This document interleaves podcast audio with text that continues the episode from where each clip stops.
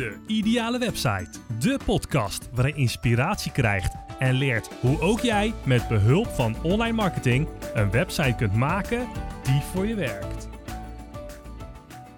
Hey, leuk dat je luistert naar aflevering 30 van de Ideale Website.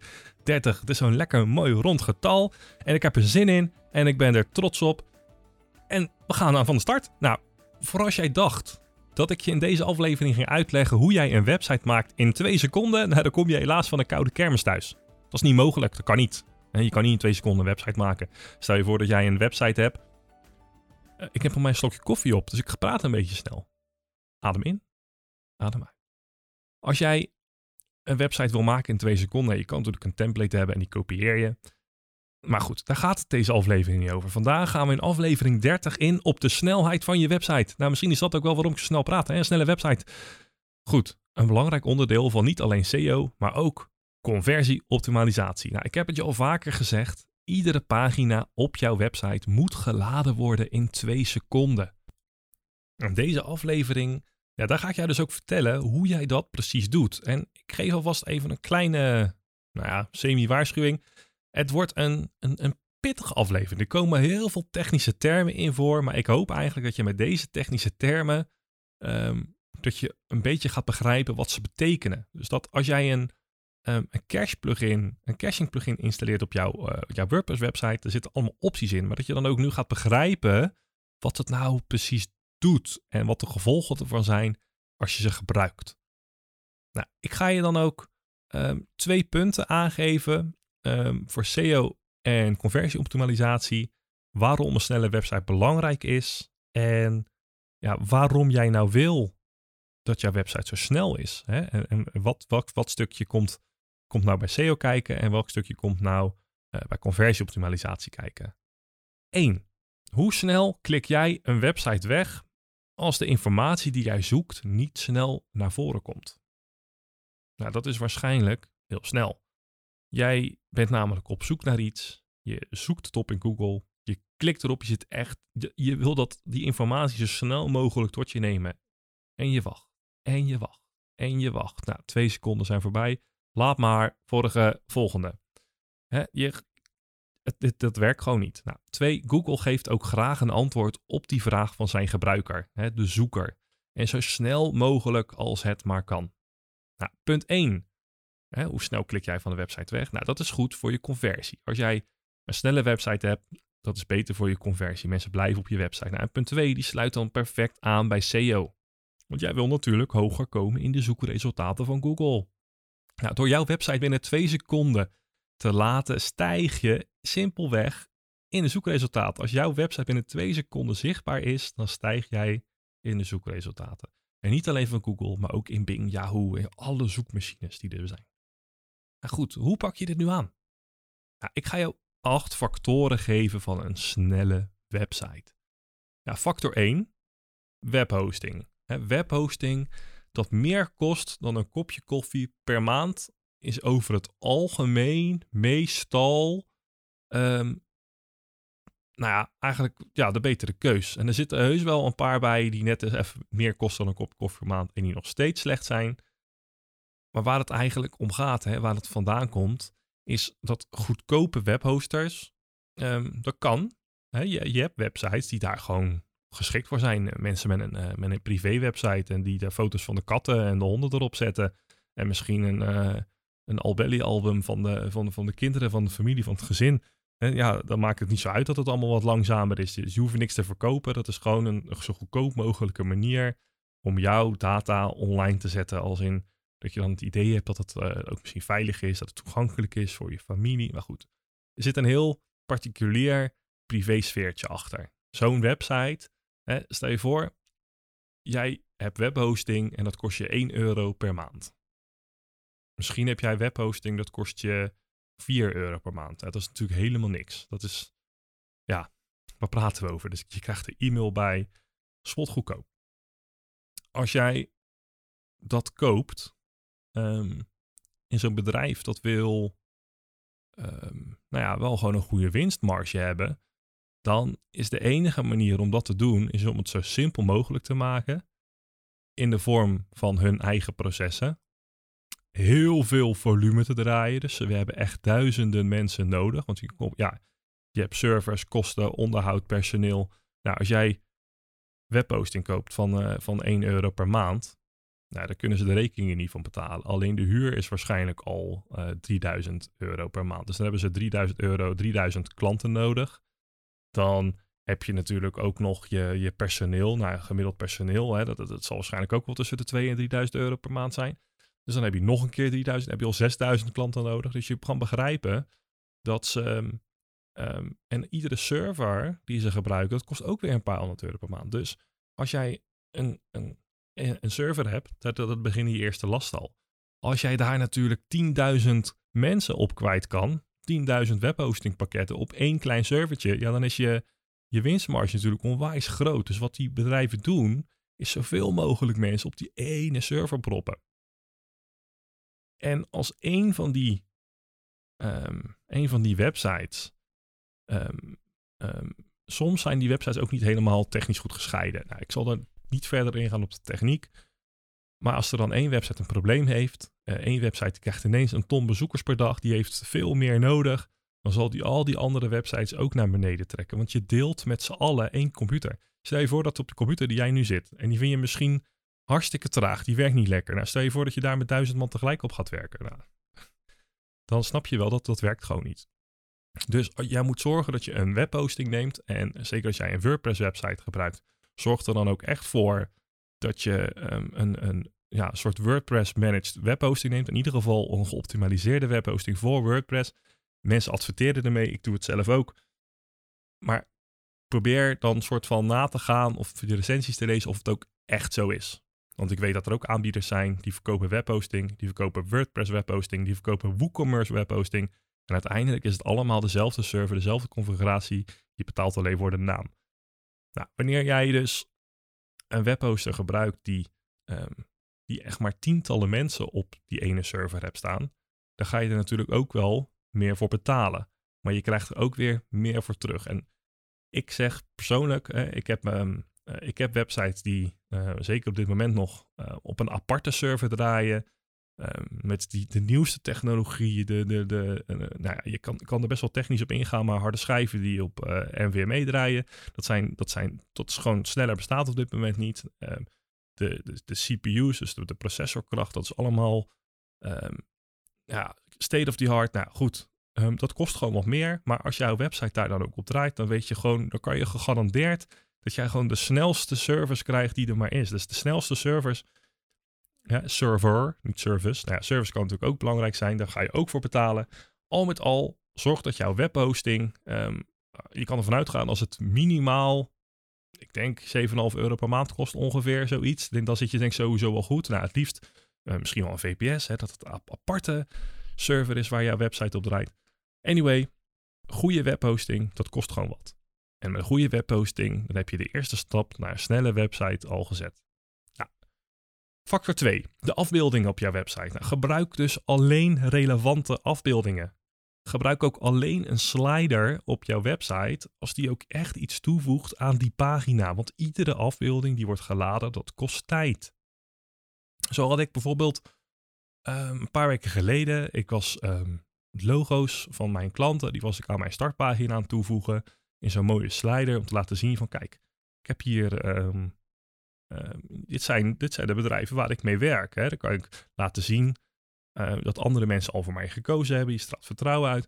En ik had een slider gemaakt en op een gegeven moment zaten daar 30 logootjes in. Nou, ik heb natuurlijk wel die logo's, die heb ik allemaal op maat gemaakt. Dus ze waren ook, um, weet ik het, 140 pixels, 140 pixels of zo. Nou, gewoon groot genoeg om te laten zien. Dus daar was alle winst wel mee behaald. Maar het waren wel 30 verschillende foto's. Ik ging een SEO-check uitvoeren op die pagina. En ik zag dat eigenlijk die slider de bottleneck was van de snelheid van de pagina. En het gaat misschien allemaal om millisecondes en dergelijke. Maar ja, hè, iedere seconde telt. Ik heb die slider vervolgens uh, eruit gejast. En ik heb, um, ik geloof nu iets van zes logo's op een rij staan die precies op de rij passen. En ik heb er een knopje bij gezet. Uh, um, bekijk alle klanten of iets dergelijks. Uh, bekijk alle logo's, hoe je het noemen wil. Kan je zelf kiezen natuurlijk. En op die manier laat je nog steeds zien.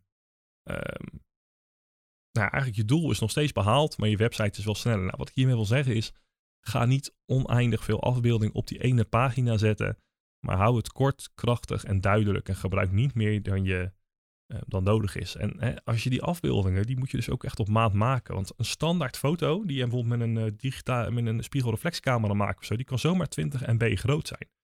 En dan is die uh, eh, 10.000 pixels bij nog wat. Nou, een gemiddelde computer. En dan hebben we het nog niet eens over de smartphone, maar een, een, een normaal beeldscherm. Hè, we hebben niet over die widescreens, maar dat is allemaal een beetje Full HD. Dus 1920 pixels breed. Groter moet je je foto eigenlijk niet maken, want dat, dat, ja, dat zien mensen toch niet. En zeker als je dan naar een telefoon kijkt, hè, dat is ongeveer de grootste telefoon is 1024 pixels breed misschien nog. Uh, maar goed, wat ik daarmee wil zeggen is als je je foto's uh, van tevoren even wat kleiner maakt, of je gebruikt een, uh, een plugin op je website, zoals eh, ShortPixel bijvoorbeeld, die de, waar je in kan stellen van joh, alle foto's die ik upload, maak ze gewoon allemaal kleiner tot maximaal die 29, 1920 breed. Nou, dan heb je al een heel eind gewonnen. En je kan natuurlijk ook nog in WordPress onder instellingen media. Nou, daar kan je ook nog wat groottes definiëren. Dan kan je de, je miniatuurafbeelding, de kleine afbeelding. Uh, dus de medium afbeelding en de grote afbeelding. Nou, daar kan je al ook wat formaten inzetten. Dat als jij een foto uploadt, dat hij het alvast voor jou in laagjes uh, knipt. En als laatste is het van belang dat jij je afbeelding comprimeert. Ja, het is weer een uh, lekkere technische aflevering. Maar als je je afbeelding comprimeert, dat betekent dat je de kleuren eruit haalt die je met het menselijk oog niet kan zien. Dan wordt je foto dus kleiner en je pagina die wordt sneller geladen. Nou, dan hebben we nog um, een derde factor. En ja, ik zeg het alvast, deze hele aflevering die is vrij technisch. Maar ja, een snelle website, daar zitten gewoon wat dingen bij.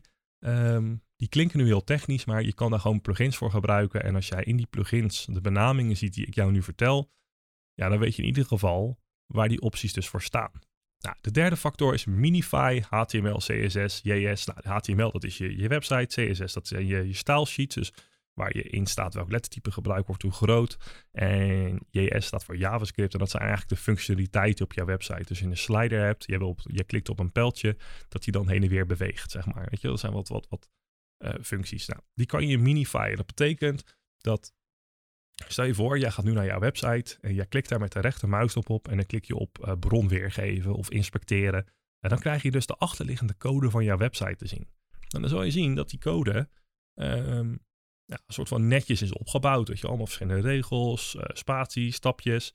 Nou, wat dat Minify doet, die haalt al die lege ruimtes, alle spaties die die maar kan, Um, en, de, en, de, en de enters. Dus die maakt er zorgt ervoor dat jouw hele pagina uit één grote lange regel bestaat.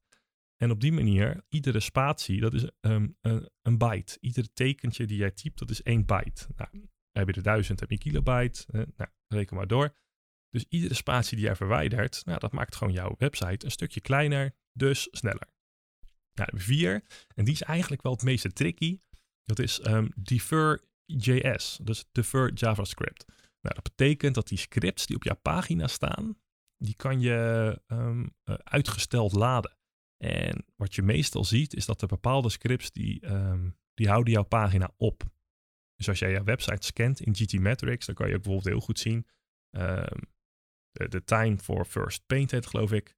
De, jouw pagina die wordt geladen en nou, die blijft wit. Die blijft wit, blijft wit. En ineens komt alles op, op, je, op je scherm. Nou, meestal is dat dus uh, JavaScript die de boel een beetje ophoudt. Er moet nog het een en ander uitgerekend worden door jouw website. Nou, sommige van die scripts die kunnen prima helemaal naar beneden geplaatst worden in je footer. Dus dat wil zeggen dat jouw pagina bam, direct geladen wordt. En als laatste wordt pas die functionaliteit een beetje ingeladen. En 9 van de 10 keer kan dat prima. en wanneer het dus, als je dat instelt en het gaat niet goed, ja, dan zou je even kennis in huis moeten halen om dat te gaan troubleshooten. Om te zien van oké, welk script is dat nu? Die moet je dan uitsluiten zodat dat niet meer gebeurt. En nou, dat is echt, dat is dus een heel proces. Nou, dat is ook de reden waarom SEO zoveel tijd kost als je het echt goed wil doen. Nou, factor 5.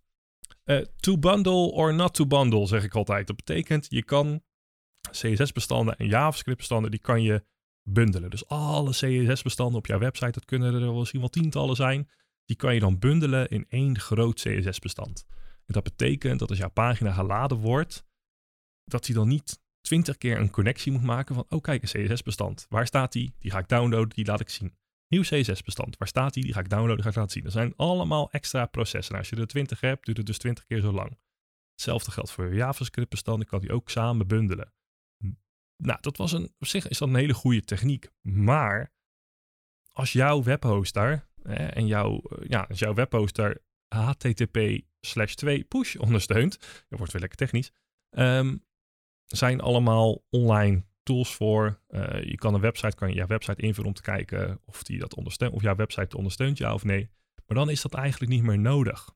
Dat is namelijk een, um, nou ja, voor mij is het niet een hele nieuwe techniek, maar bestaat het al eventjes.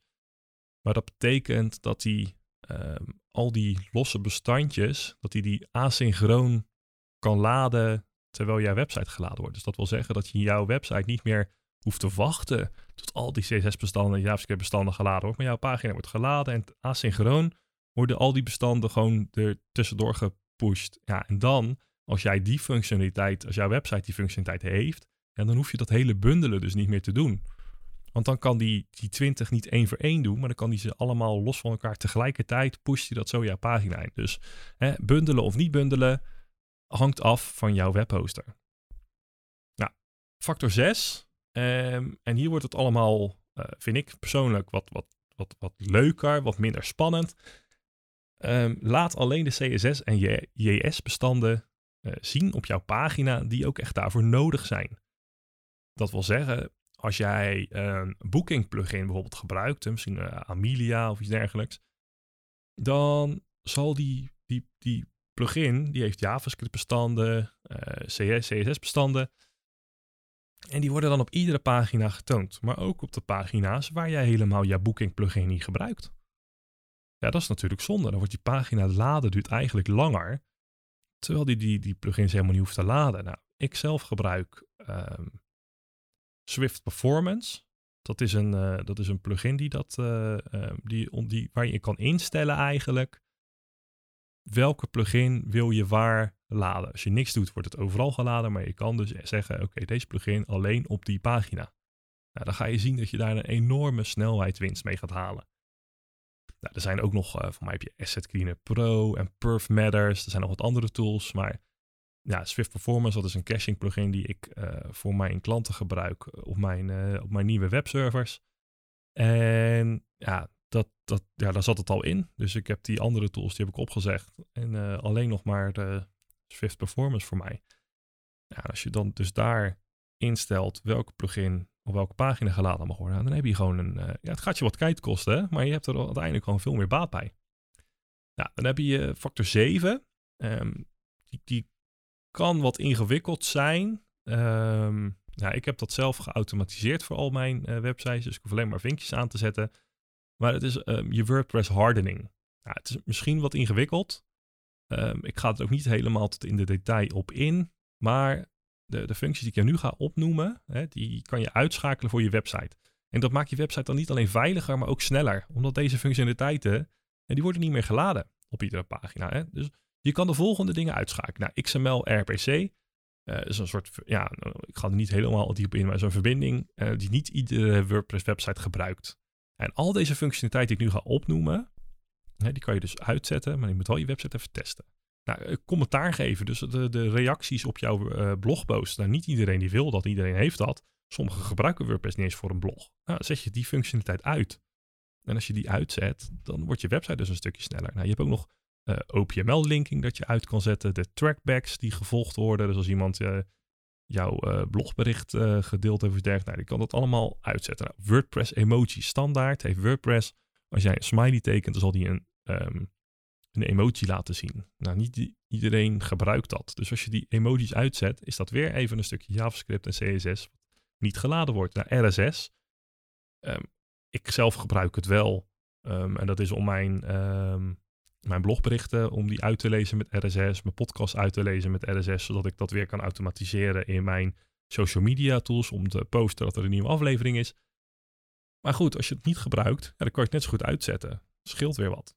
Nou ja, je WP Scan Agent kun je uitzetten, de WP Version kan je uitzetten. Dat betekent dat de, versie van jouw WordPress niet meer getoond wordt in, je, uh, in de broncode van jouw website. Het zijn allemaal weer regeltjes die weg zullen vallen. Nou, zoals ik zei, in alle gevallen geldt, per functionaliteit die je uitschakelt, moet je wel even je website testen om een goede werking. Nou, schakel je iets uit dat je wel nodig hebt voor je website, omdat je website net iets meer is dan een standaard brochure website, dan kun je deze functionaliteiten dus het beste één voor één uitschakelen en je website daarna iedere keer even monitoren, doet alles het nog.